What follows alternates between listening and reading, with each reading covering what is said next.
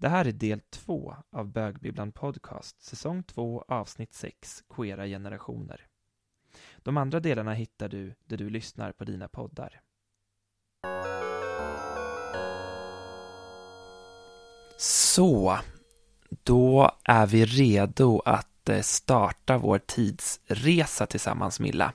Vi har ju fått en gedigen bakgrund redan från SAM om 1800-talet. Och nu när vi står precis på sekelskifteskanten till 1900-talet så är det du och jag som tar vid och håller er lyssnare i handen. Men jag tänker innan vi kan ta oss an vår tidsresa så måste vi lite reda ut begreppen här. Vad är en generationsroman?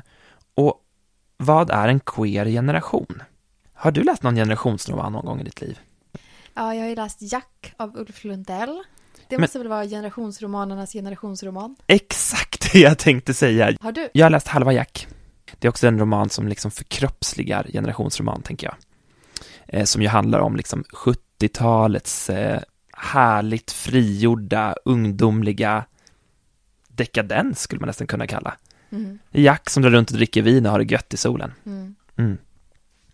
Eh, och det här är ett strålande exempel, tänker jag, för att kicka igång samtalet om vad en generationsroman är. För en generationsroman, det är ju liksom inte vilken känd bok som helst. Det är liksom inte nödvändigtvis en klassiker vi pratar om. Utan en generationsroman, det är ju ett verk som fångar någonting i en specifik generation. En anda eller ett förhållningssätt Eh, den kanske, det kan en berättelse som kanske innehåller väldigt specifika referenser som bara kan förstås av en viss generation till exempel. Eh, som kanske befinner sig i en specifik politisk kontext till exempel. Så generationsromanen kännetecknas liksom av att den är väldigt kontextbunden och betyder olika saker för olika generationer. Eh, och det som generationsromanen lite gör, kan man säga, det är att den utgör en gemensam referenspunkt för de personer som tillhör, så att säga, rätt generation. Som då omedelbart kan förstå vad den här berättelsen betyder liksom i en större kontext, ett större sammanhang så. Ja, men jag tänker att eh, någonting förutom att vara liksom relevant, du nämnde ordet referenspunkt, så förutom någonting som är relevant för liksom kanske de stora delar av en generation och som många kanske kan spegla sig i eller känna igen sig i eller som man tycker då beskriver den här tidsandan eller de här erfarenheterna på liksom ett så intressant sätt. Eh, så förutom det så tänker jag att det finns en annan aspekt och det är ju också att det här är då de böckerna vi pratar om är också verk som har levt kvar. Så de har inte bara varit liksom stora på sin tid och sen glömts bort. Då kanske de på något sätt var en typ av generationsromaner då men, vi, om vi inte känner till dem idag så kommer vi kanske inte tala om dem som generationsromaner. Så jag tänker att det är ytterligare en, en dimension av, av det här begreppet som jag tycker också är intressant att tänka på att det är någonting som gör att så här, människor idag fortsätter att läsa Jack då, även om lite svårt att förstå just det, den var väldigt babblig. Men eh, det finns såklart andra exempel. Jag tycker det här är otroligt spännande när vi tänker på queera generationer. Eh, just för att jag tänker att generationsbegreppet för oss queers kanske ser lite annorlunda ut, föreställer jag mig, än vad det gör för heteromajoriteten. Nej, men för jag tänker att man tänker oftast på ålder som liksom den faktor som definierar vilka som tillhör samma generation. Men man kan också tänka på att det har att göra med stadier i livet, var man befinner sig i livet. Och, och vi har ju varit inne på att på ett sätt så är ju liksom hbtq-världen väldigt ålderssegregerad. Men på ett sätt så är vi också lite mer rörliga. För att vi kanske inte nödvändigtvis definieras av ett livslopp där vi måste uppleva saker i en viss ordning eller där vårt liv liksom inrutas i en viss ordning så. Eh, och på så vis så tänker jag att de här stadierna i livet, de liksom kan överbrygga åldrar. Och att snarare kanske eh, en, det som definierar en queer generation är de kollektiva erfarenheterna som vi gör oss tillsammans eller upplever tillsammans. Ett exempel på detta tänker jag skulle kunna vara aids-epidemin på 80 och 90-talen som ju liksom drabbade hela communityt oavsett ålder. Så då skulle en generationsroman för de som levde då kunna vara relevant oavsett vad man hade för kronologisk ålder. I viss mån i alla fall, skulle jag gissa på det. Och, det, och där tänker jag att vi inte är lika bundna till ålder som, som till exempel det heteromajoritetssamhället där. Just det, för man kanske också har liksom lite mer samma typ av livsstil oavsett ålder. Ja, men precis, det är ett antagande i alla fall. Och, och jag tänker att även om hbtqi plus-rörelsen är en väldigt så här, heterogen grupp med många olika människor som möter många olika liksom, utmaningar i livet så, så finns det ändå vissa saker som förenar oss och jag är i det här avsnittet väldigt nyfiken på att så här, hur ser vår gemensamma historia ut och liksom fångas den i våra gemensamma texter och berättelser. Och då tänker jag inte nödvändigtvis bara på romaner, utan jag tänker liksom att det här kanske man också kan se så här i film, musik, poesi, att det liksom uttrycks i fler, fler former. Och varför är vi intresserade av det här, Max? Ja, men alltså dels så är jag ju nyfiken på så här, vad är det för berättelser som liksom har fångat queers i en viss tid och liksom som, som gör att de upplevde någonting gemensamt kring de här berättelserna. Men sen så upplever jag själv att så här, det här är ju en del av den fortfarande oskrivna historien som, som vi som queers liksom fortfarande håller på att så här, upptäcka och försöka få in i våra, våra och andras historieböcker. Så här. Det, det är, för mig är det här verkligen så här, ett arbete med att fylla det här tomrummet i historieböckerna som jag också upplever som ett så här tomrum i min egen historia så. Eh, som känns för mig viktigt liksom att få med sig att så här, jag har en anknytning till mina tidigare queera förfäder så. Mm. Fint. Och då fortsätter vi vår odyssé då genom historien. Vi gjorde nedslag i antikens Grekland. Vi har fått höra om perversa runstenar. Var tar vi nu vid den här berättelsen? Mm. Ja, men vi har ju eh, tänkt oss att fokusera på 1900-talet och vi står ju här nu på liksom kanten vid sekelskiftet mellan 18 och 1900-tal. Och vi har funderat lite på vad det är som kännetecknar den här, äh, de här decennierna kring sekelskiftet och fram till första världskriget eller under första världskriget. Eh, och, och jag tänker att det här är en tid som kännetecknas av tysthet. Eh, vi är fortfarande eh, inne i en tid när man liksom inte riktigt har några tydliga begrepp eller ord att använda för att beteckna eh, normbrytande sexualitet eller sexuella uttryck eller könsidentiteter.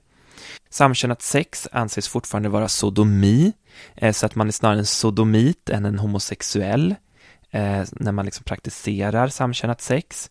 Eh, man har liksom, det är en tid av hemligheter där man saknar ord för att beskriva så här, lusten och kärleken. Så att jag skulle gissa att det är en ganska ensam tid vi befinner oss på. Eh, och det är en tid som verkligen gränsar till det moderna genombrottet. Det är fortfarande så här mörkt ute i stugorna. Det är fortfarande stearinljusens tid liksom så. Eh, och när jag funderar på vad det finns för verk som man från den här tiden, som är skrivna under den här tiden, som har sparats i litteraturhistorien och som har levt vidare, så tänker jag exempelvis på eh, Nobelpristagaren Thomas Mann och hans bok Döden i Venedig, eller långnovell som den kallas ibland, för den är inte så himla lång. Eh, och den boken, den handlar ju om en äldre man som fascineras av en yngre man och hans liksom otroligt stilrena och vackra utseende, eller yngre man, fast en pojke. De är på, i Venedig på något slags hotell. Eh, och i takt med att han fascineras mer av den här pojkens skönhet så blir han också själv sjukare och sjukare under, eh, under liksom romanens eller novellens gång. Och det här blir kanske som en slags illustration av en tid när, när liksom den sexualiteten, den samkönade sexualiteten anses så avvikande att den liksom måste sluta olyckligt och i just ensamhet och tystnad. Sen fanns det såklart också motsatsen. Och eh, några decennier före Thomas Mann så hade vi ju såklart Oscar Wilde som genom sin persona liksom symboliserade normbrytande sexualitet och flamboyans och, eh, och som liksom hade eh, och som liksom stod i centrum för en grupp homosexuella män i det viktorianska England. Så det fanns liksom ändå en, en motsättning under den här tiden. Eh, nu slutade det inte så bra för Oscar Wilde heller, eh, men, men man kan ändå säga att det här symboliserar kanske ett spänningsfält som fanns under den här tiden av att här, vi står både inför modernitetens genombrott men också inför ett genombrott när det gäller just sexualitet, identitet eller identifikation med, liksom en, med sin sexualitet som en subgrupp då till exempel, eller subkultur. Så att det här är någonting som är på framväxt i alla fall i Europa. Jag heter Lina Axelsson Kilblom och jag är skolminister i Magdalena Anderssons regering. Jag tror också jag är känd som Eh, transperson men också som författare till boken Kommer du tycka om mig nu som kom ut 2015. När jag tänker på verk som har påverkat mig genom åren så är det väl framförallt två som sticker ut. Och jag vet inte varför det just är de här som påverkade mig mycket. Men vi ska inte värdera dem för mycket. Den ena var ju Caroline Kossis Eh, självbiografi som kom ut 1993. Men tidigare, redan 1983, så kom tidningen ETC ut med en ganska eh, stor artikel som handlade om könskorrigering och vården och också avigsidorna av eh, det samhället liksom hade att erbjuda transpersoner eller andra som jobbade med sin identitet. Jag minns att jag smög iväg till min butik på landet. Det här var ju innan internetet. Och jag köpte tror jag, fem tidningar och bland alla tidningar så hade jag då ETCetras nummer. Eh, och det här påverkade mig djupt. Jag var 13 år och jag läste den där artikeln gång på gång på gång på gång. Eh, så att den satt där. Men den var lite dyster minns jag. Det var inte så mycket lyckliga historier. Och då bestämde jag mig lite för att när jag gör min resa så ska jag bli en alldeles vanlig kvinna när jag blir kvar, klar och jag ska ha ett alldeles vanligt liv. Eh, jag vet inte om ni tycker att jag lyckades med det eller inte, men jag är väldigt nöjd med den resa jag fick. Och den här artikeln påverkade mig faktiskt på djupet och jag tror den påverkade andra också. Den fick väldigt stor medial uppmärksamhet. Kvällstidningar älskade att skriva om den och även tv gjorde intervjuer och så vidare. Ehm, så ja, tidningen ETCs artikel från 1983.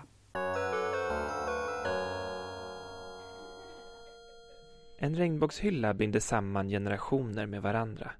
Vi må stå vid hyllan vid olika tidpunkter och vid olika faser i livet, men den binder oss samman genom att det är samma plats och samma berättelser vi tar del av. Bakom bokryggarna döljer sig oceaner av liv, tankar, känslor, begär och drömmar som förenar hbtqi plus-personer över geografiska gränser och generationsgränser. Regnbågshyllan kritiseras ibland för att lyfta ur hbtqi plus-litteraturen ur den vanliga litteraturen för att göra hbtqi plus till något speciellt som inte passar in i det normativa. För att förstärka normen om det avvikande istället för att överbrygga den. Men regnbågshyllan är också en fysisk manifestation av hbtqi plus-personers existens och den långa, rika, vindlande, queera historien.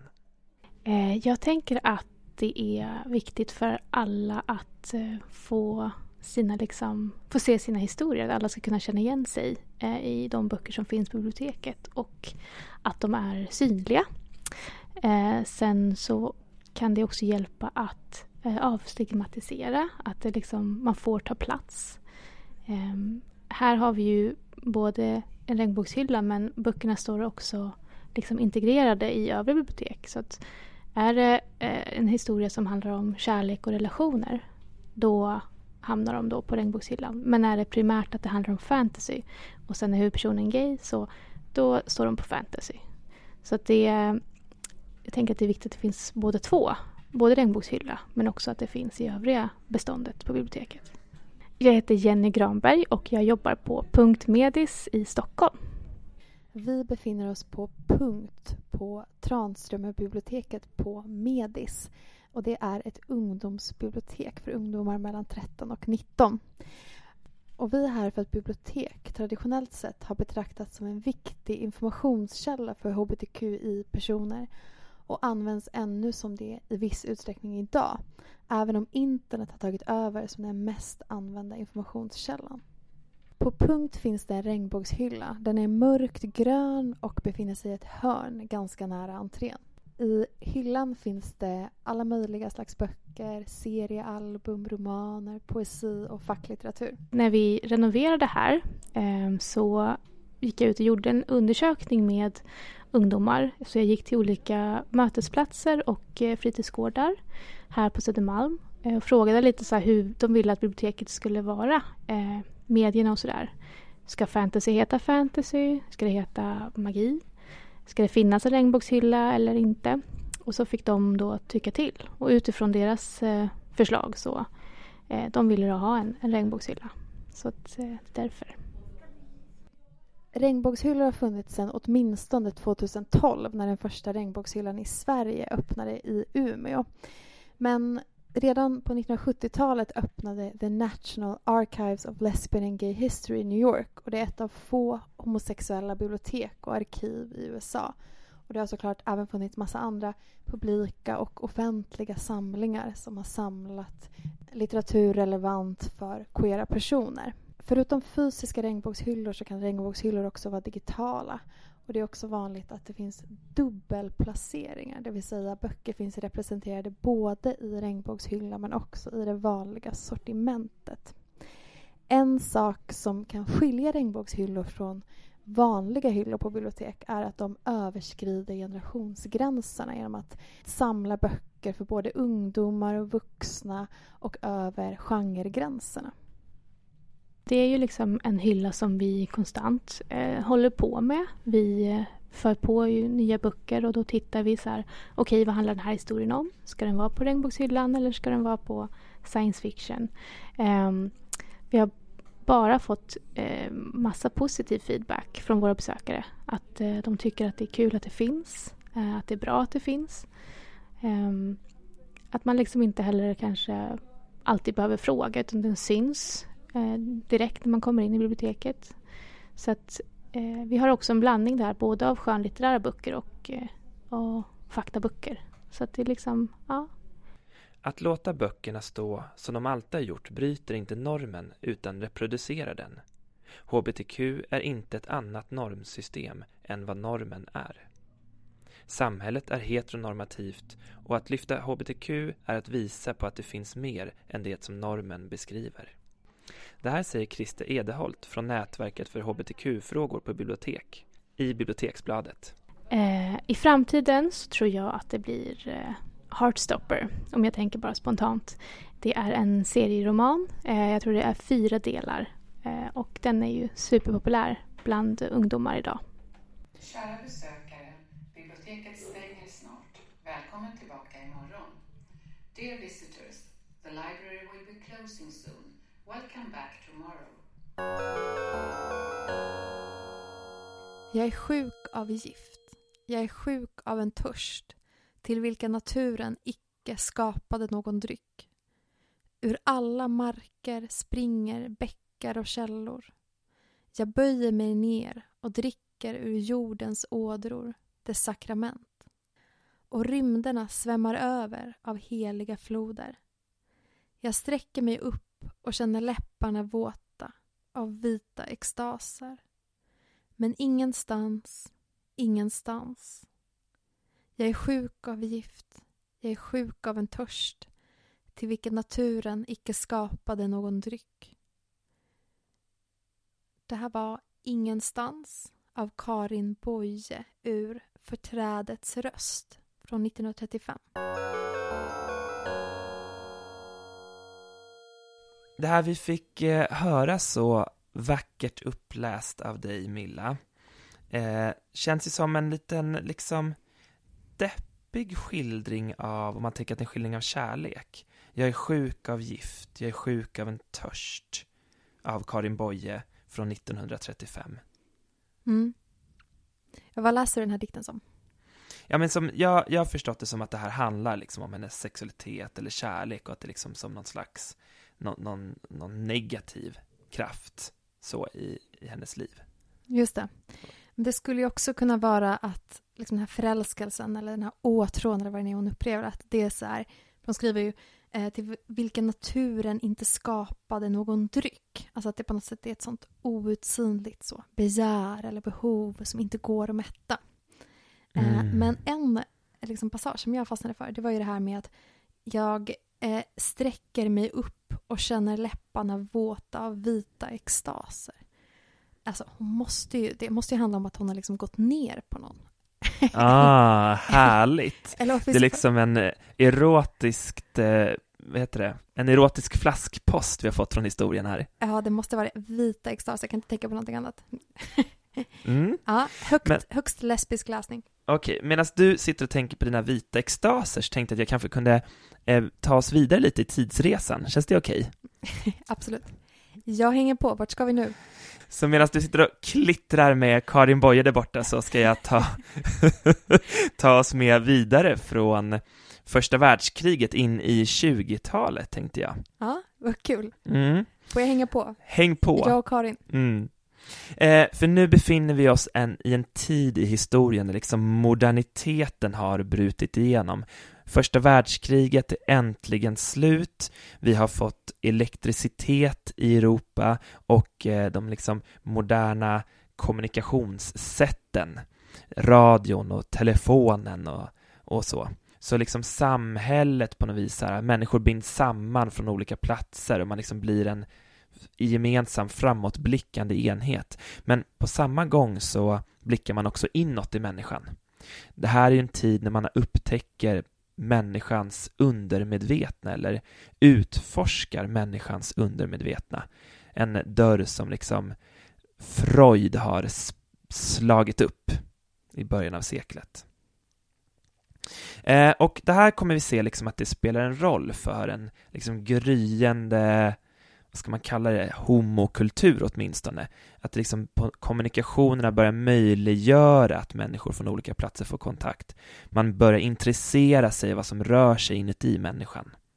Precis som eh, många andra gånger under den här poddens tillblivande så beger vi oss till Berlin igen där Magnus Hirschfeldt år 1919 grundar Institut für Sexualwissenschaft, alltså Institutet för sexualvetenskap.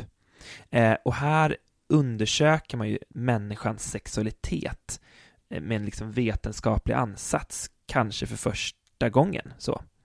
Eh, och, och man intresserar ju sig särskilt för det som på något vis avviker från normen när det kommer till kön eller sexualitet.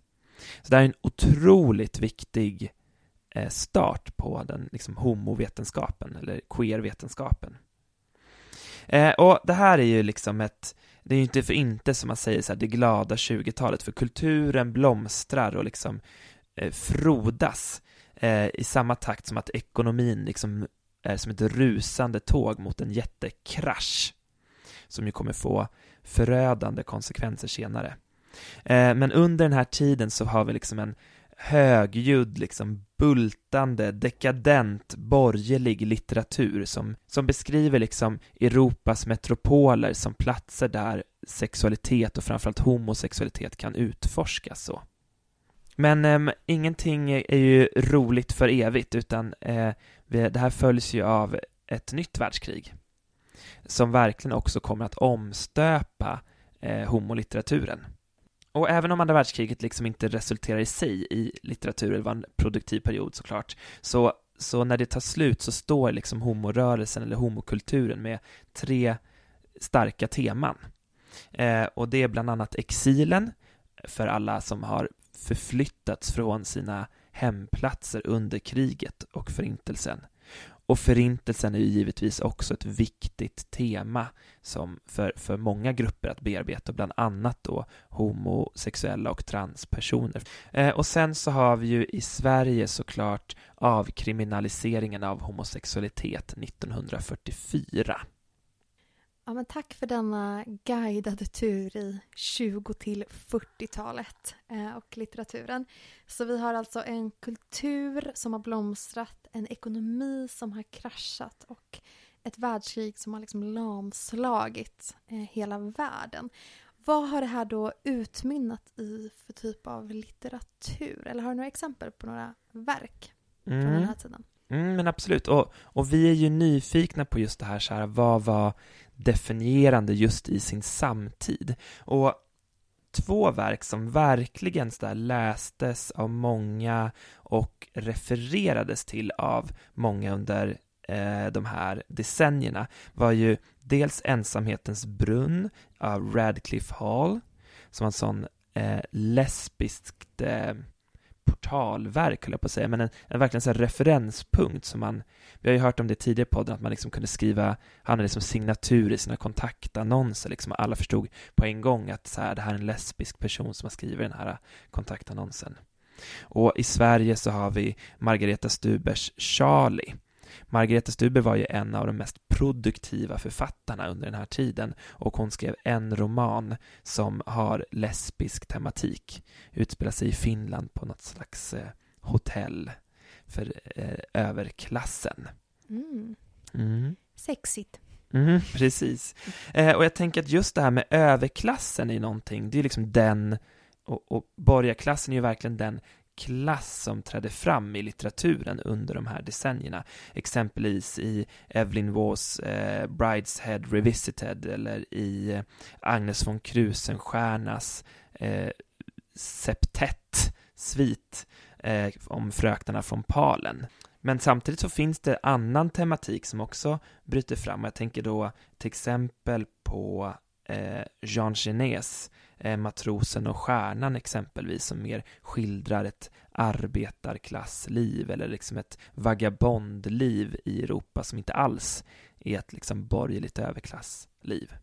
Så det är klart att de berättelserna finns också, men inte lika tydligt. Men nu har du ju missat en riktigt stor författare här. Ja, men precis. Man brukar ju prata om de stora modernisterna. Eh, och Virginia Woolf är ju en av få kvinnor som verkligen har gått till historien som en sån internationell superstjärna. Och vi queers, vi tittar ju ofta till, vänder blickarna mot Orlando, som är någon slags experiment, modernistiskt experiment med tidsresor och könsidentiteter på olika platser, olika tider, olika sammanhang. Eh, och, och verkligen brukar liksom betraktas som en queer tidig roman så. Men om jag inte, jag är inte helt säker, men jag tror att den liksom har fått mycket mer uppmärksamhet långt senare egentligen än under just den här tiden, att det kanske var andra böcker som hon skrev som fick större uppmärksamhet just då. Men jag är lite osäker på det faktiskt. Vad hade vi för svenska superstjärnor under den här perioden? Mm. Då tänker jag ju såklart på Karin Boye som du ju läste den fina dikten av innan. Det är väl den, en av de mest ikoniska eh, författarna överhuvudtaget från 40-talet tänker jag, men framförallt lesbiska författare. Hej, jag heter Niklas Willemark Mesaros. Jag är poet, författare, eh, regissör. Jag har haft eh, turen av att jobba med spoken word-poesi de senaste tolv åren. Jag eh, bor och jobbar mest utifrån Stockholm och jag eh, regisserar bland annat på Dramaten där jag sätter upp föreställningar och har skrivit pjäser för dem. Mm. Jag är uppvuxen i Köping, en jätteliten stad med väldigt litet kulturellt utbud. Och jag växte upp och formades av en ganska normativa värderingar och en normativ värld. Eh, men jag passade riktigt aldrig riktigt in i den formen kände jag. Och efter gymnasiet så flyttade jag till Örebro. Och där upptäckte jag ett helt nytt typ av liv eller sätt att vara på. Och de människor jag umgicks med, de pratade, de hade läst coola böcker och de hade läst Per Hagman. Och då plockade jag upp en pocketutgåva av tre böcker som Per Hagman skrev ganska tätt in på varandra under början av 90-talet. Eh, Cigarett, Pool och Volt hette de. Ja,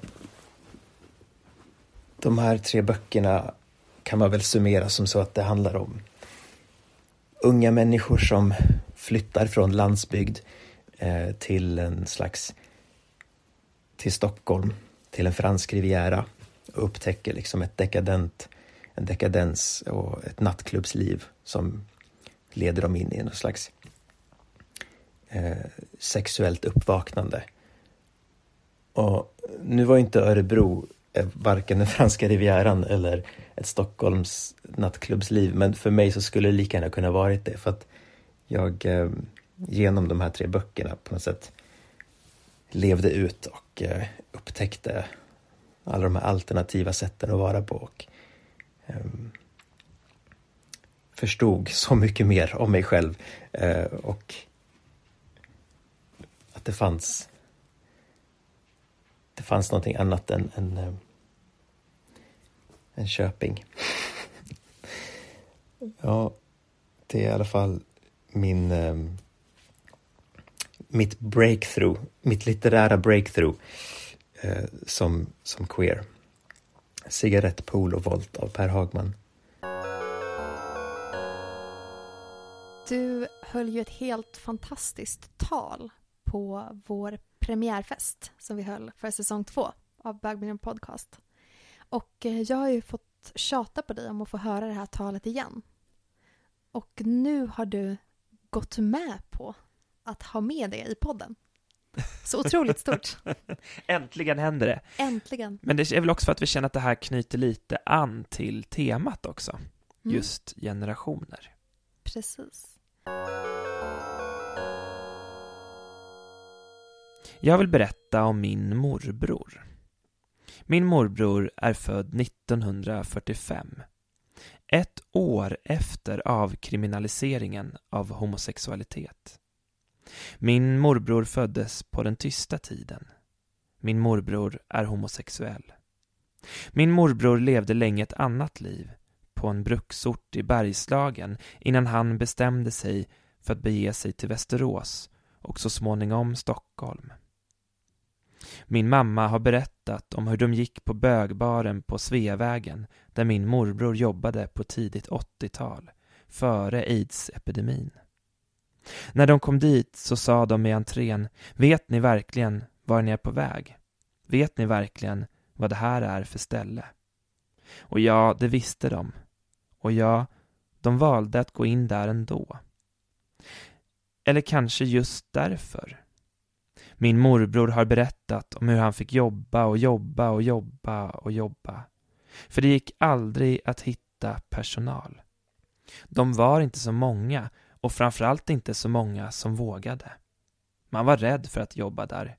Man hade galler för fönstren och man låste dörrarna när raggarna åkte förbi på Sveavägen. Gallret stoppade kanske inte glassplittret, men de kom i alla fall inte in, raggarna alltså.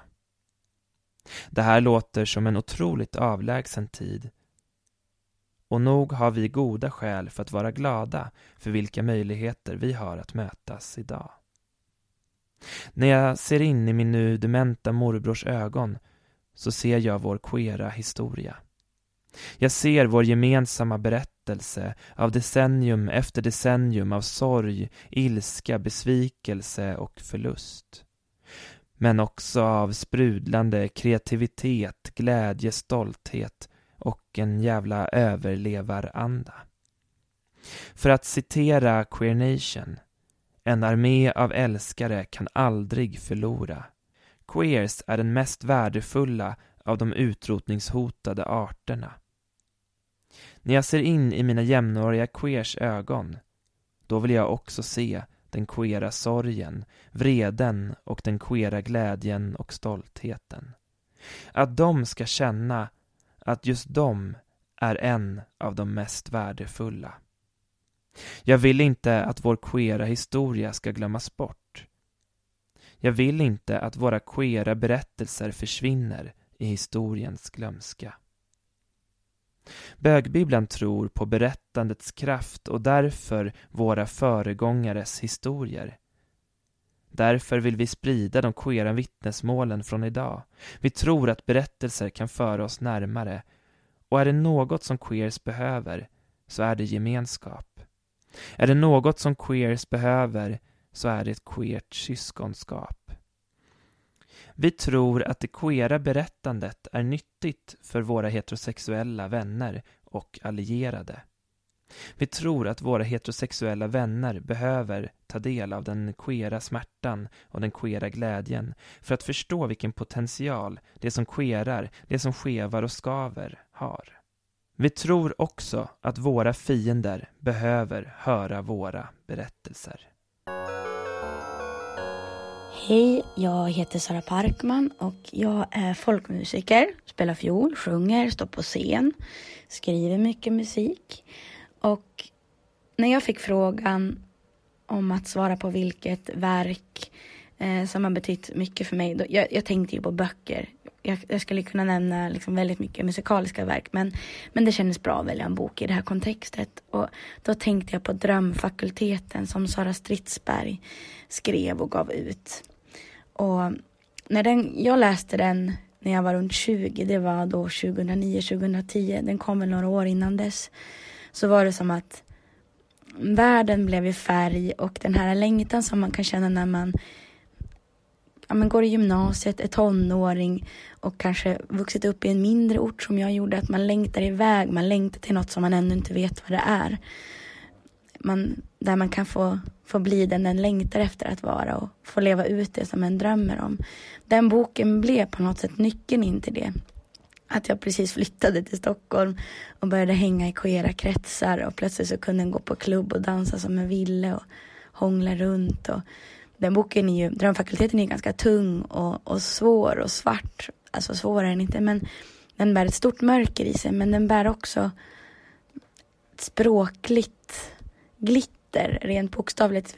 Om jag inte missminner mig så, så skriver hon väldigt mycket om de här olika guldtrådarna och Sara Stridsbergs språk på något sätt förändrade hur jag förstod att man kunde skriva och prata. Um, och sen var det som att den ledde in till att läsa då Eh, såklart Valerie Solanas Skummanifestet som eh, släpptes var 68. Så det är också det som är så fantastiskt med litteratur att något som släpps i början på 2000-talet refererar tillbaka till något på 60-talet som jag inte hade en relation till innan. Men genom Sara Stridsbergs tolkning av Valerie Solana så blev på något sätt två generationer av feminism tillgängliga för mig.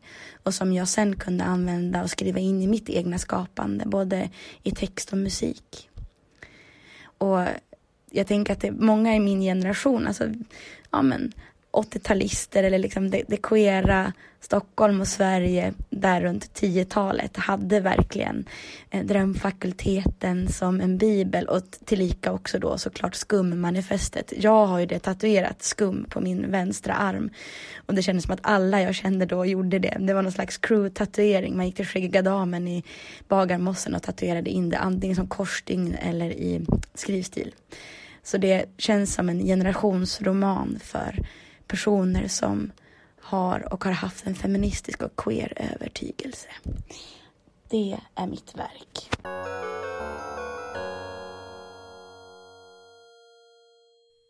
I've fallen in love. I've fallen in love for the first time. And this time I know it's for real. I've fallen in love, yeah. God knows. God knows I've fallen in love. It's strange, but it's true, yeah. I can't get over the way you love me like you do. But I have to be sure when I walk out that door. Oh, how I want to be free, baby. Oh, how I want to be free. Oh, how I want to break free. But life still goes on. I can't get used to living without, living without, living without you by my side. I don't want to live alone, hey. God knows. Got to make it on my own. So, baby, can't you see?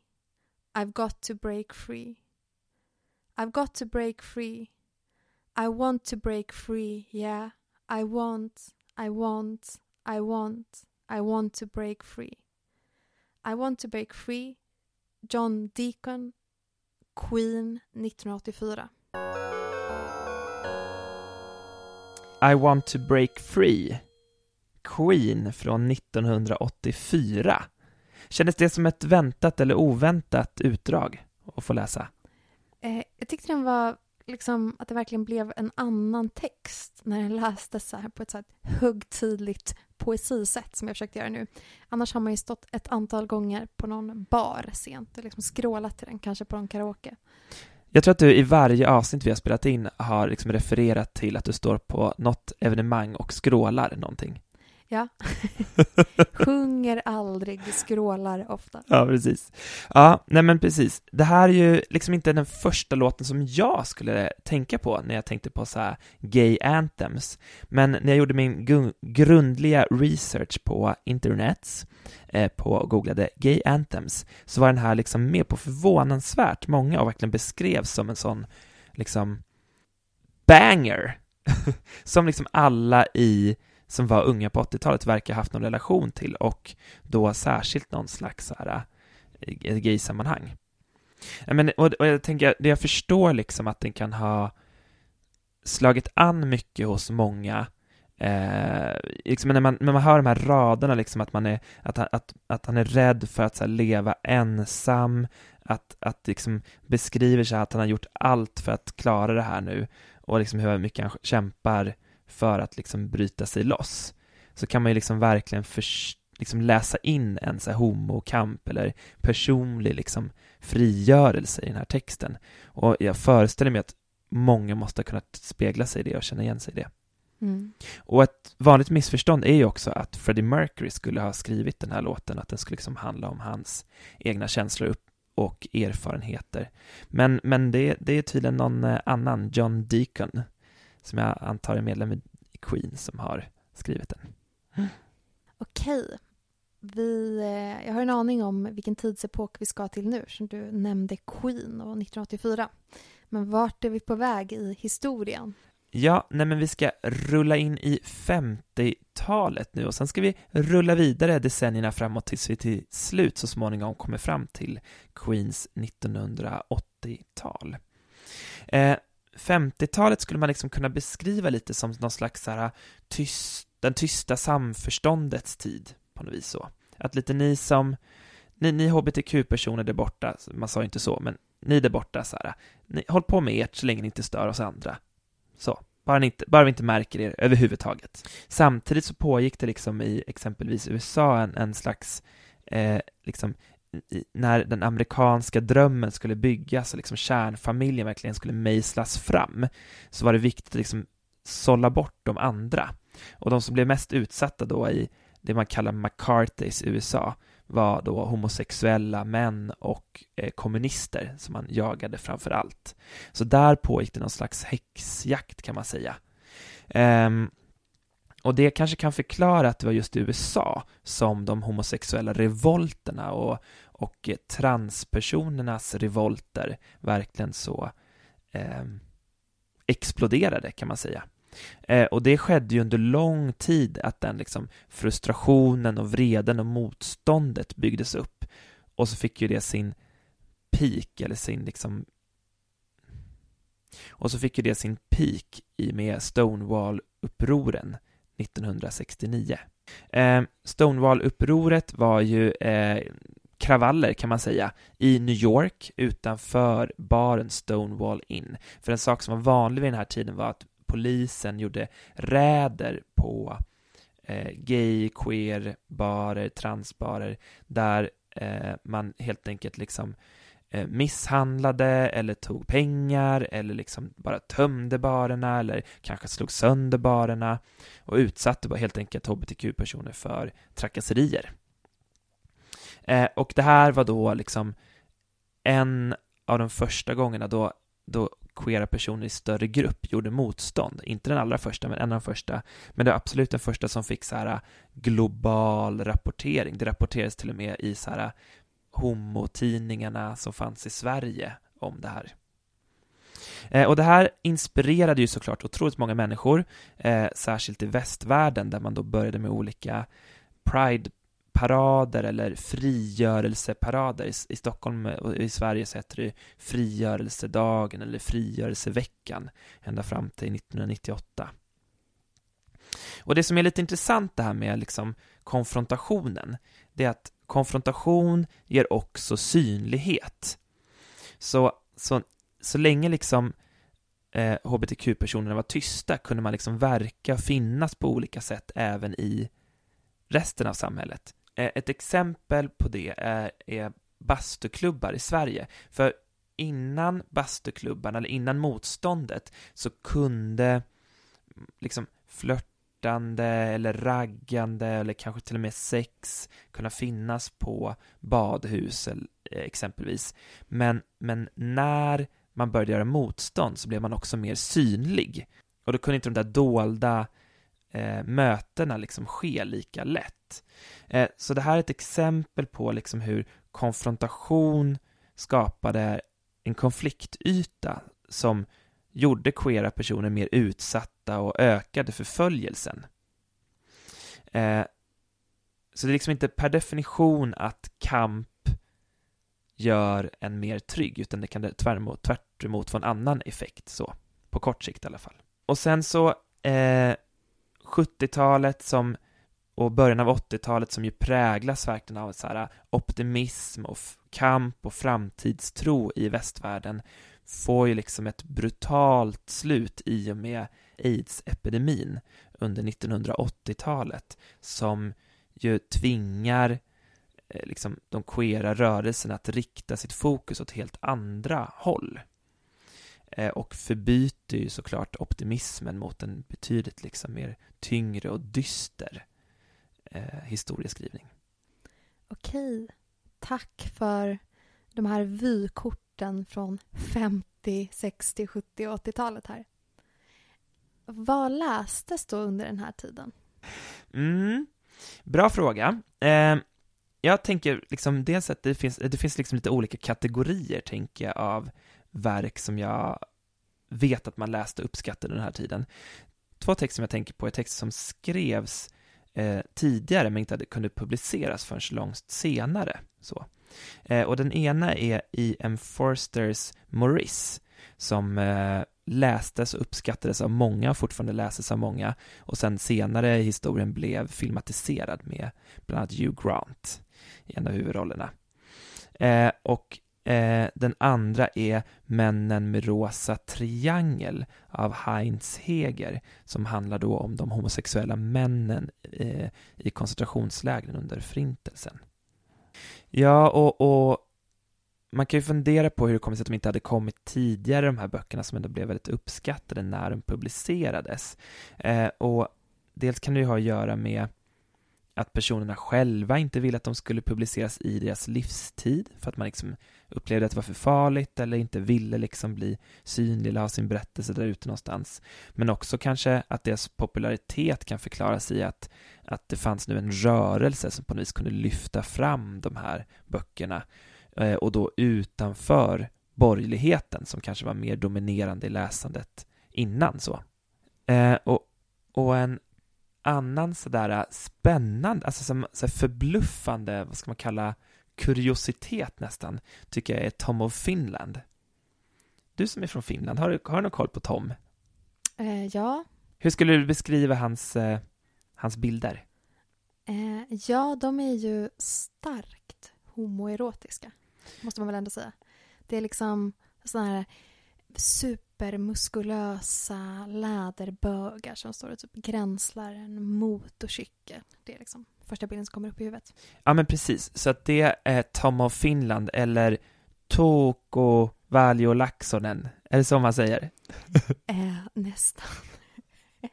Touko Valio Laaksonen. Ja, så var det. det. Det han gjorde var ju att ta så här eh, bögstereotyper från så här bögerotiken och så här på något vis göra hypermaskulina varianter av det som redan var hypermaskulint på något vis. Eh, och många av hans bilder ju, eh, skildrar ju också sex verkligen. Eh, och det här tycker jag är så jävla coolt att det liksom fanns så tidigt som 50-tal och att han har gjort sån global succé sen och verkligen skrivit in sig, tycker jag, tänker jag, i den globala gaykulturhistorien så. Mm. En annan liksom berättelsetyp som verkligen växte fram eller tog plats under den här tiden var skildringar av uppväxten. Sin egen eller fiktiva. Och där har ju du läst några böcker. Mm. Precis så. Jag har läst Bengt Martins bok Sodomsäpplet från 1968 som är den första delen i det som kallas för Joakim-trilogin. Och det här sägs då vara den första skönlitterära bok med så tydligt liksom, homosexuell tematik som utgivits i Sverige. Och den var också en liksom så, skräll under eh, sin samtid när den kom och blev eh, både eh, misstolkad och ja, på alla möjliga sätt omskriven i tidningarna. Och det här var ju när homosexualitet fortfarande var sjukdomsstämplat i Sverige. Och den här tar sin början eh, när Joakim, då huvudpersonen, är, fortfarande går i skolan eh, och berättar om hans dubbelliv. Så dels det ensamma livet som han lever tillsammans med sin grovt bittra mamma eh, och sen liksom sitt andra liv eh, där han lever ut sin homosexualitet med en tio år äldre man. Eh, och på något sätt det här dubbelspelet som han befinner sig i. Och en annan sån här klassisk uppväxtskildring är ju Jeanette Wintersons Det finns andra frukter än apelsiner som jag också håller på att läsa just nu. Och det handlar då om en huvudperson som också heter Janet men där Janet Winterson i förordet säger att det här är inte hon utan som en liksom lek med henne själv. Men den sägs i alla fall vara starkt självbiografisk. Och den handlar om hennes uppväxt i ett eh, väldigt kristet hem och om hennes, också om hennes relation till eh, sin djupt religiösa mamma.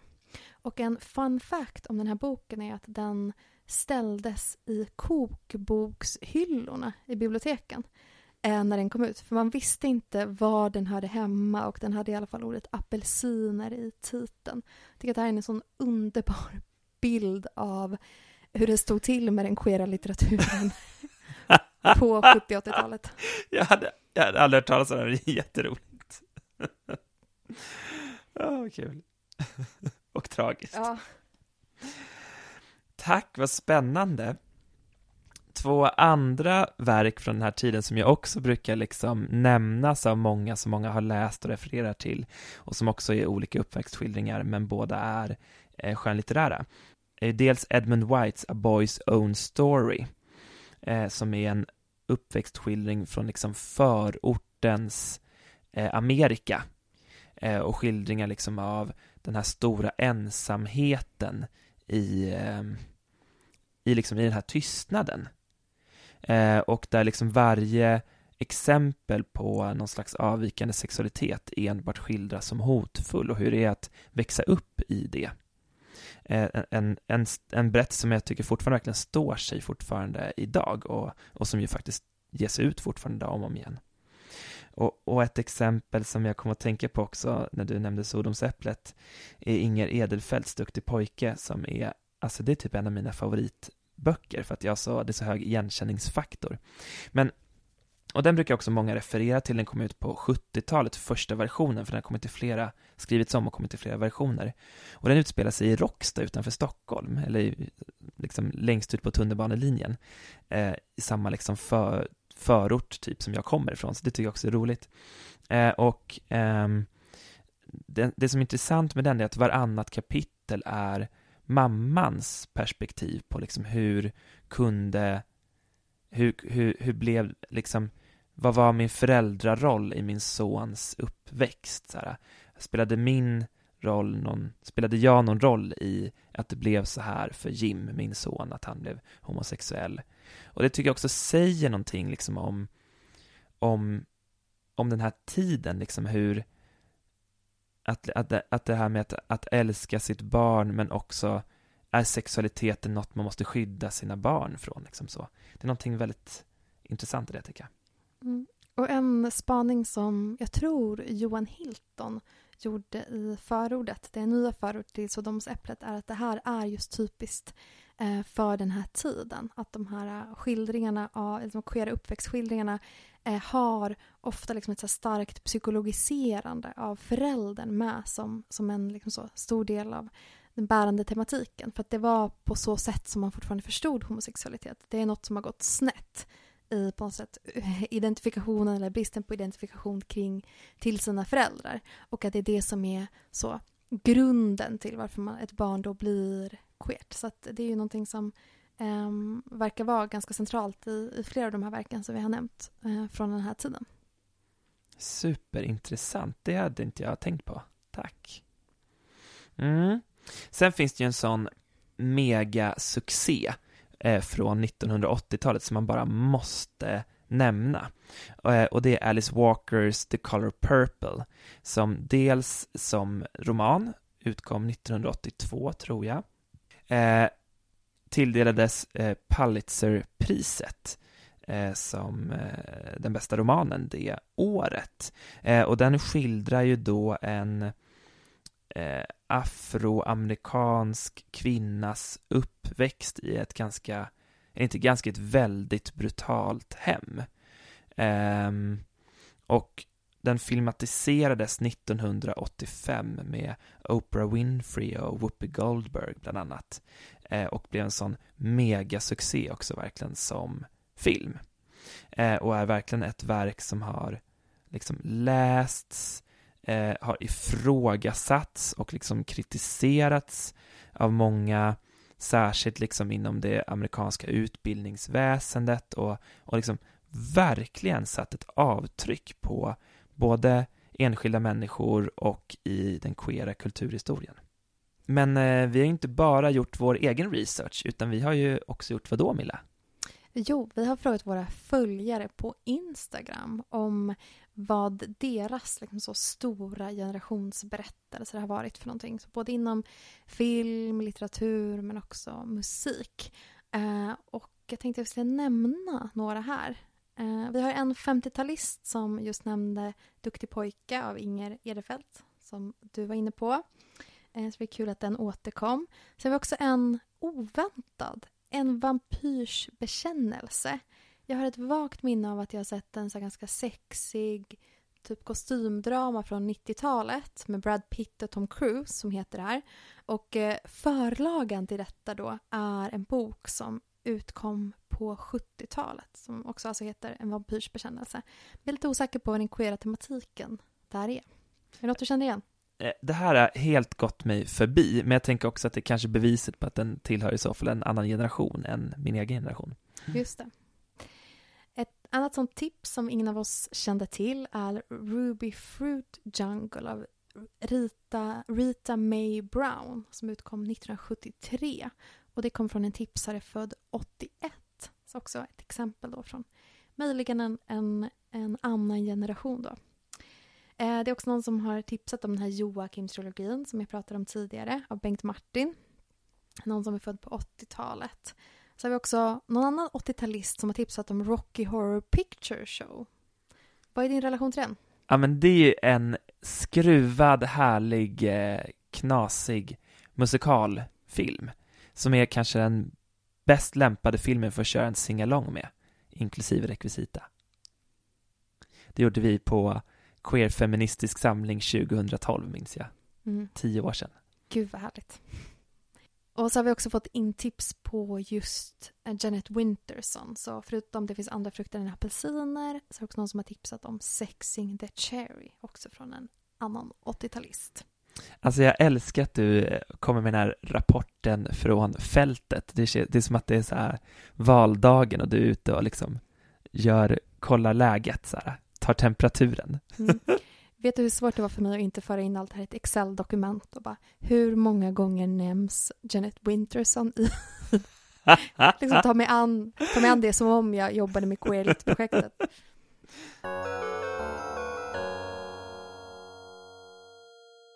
Du har lyssnat på del två av Bögbibblan Podcast, säsong 2, avsnitt 6, Queera generationer.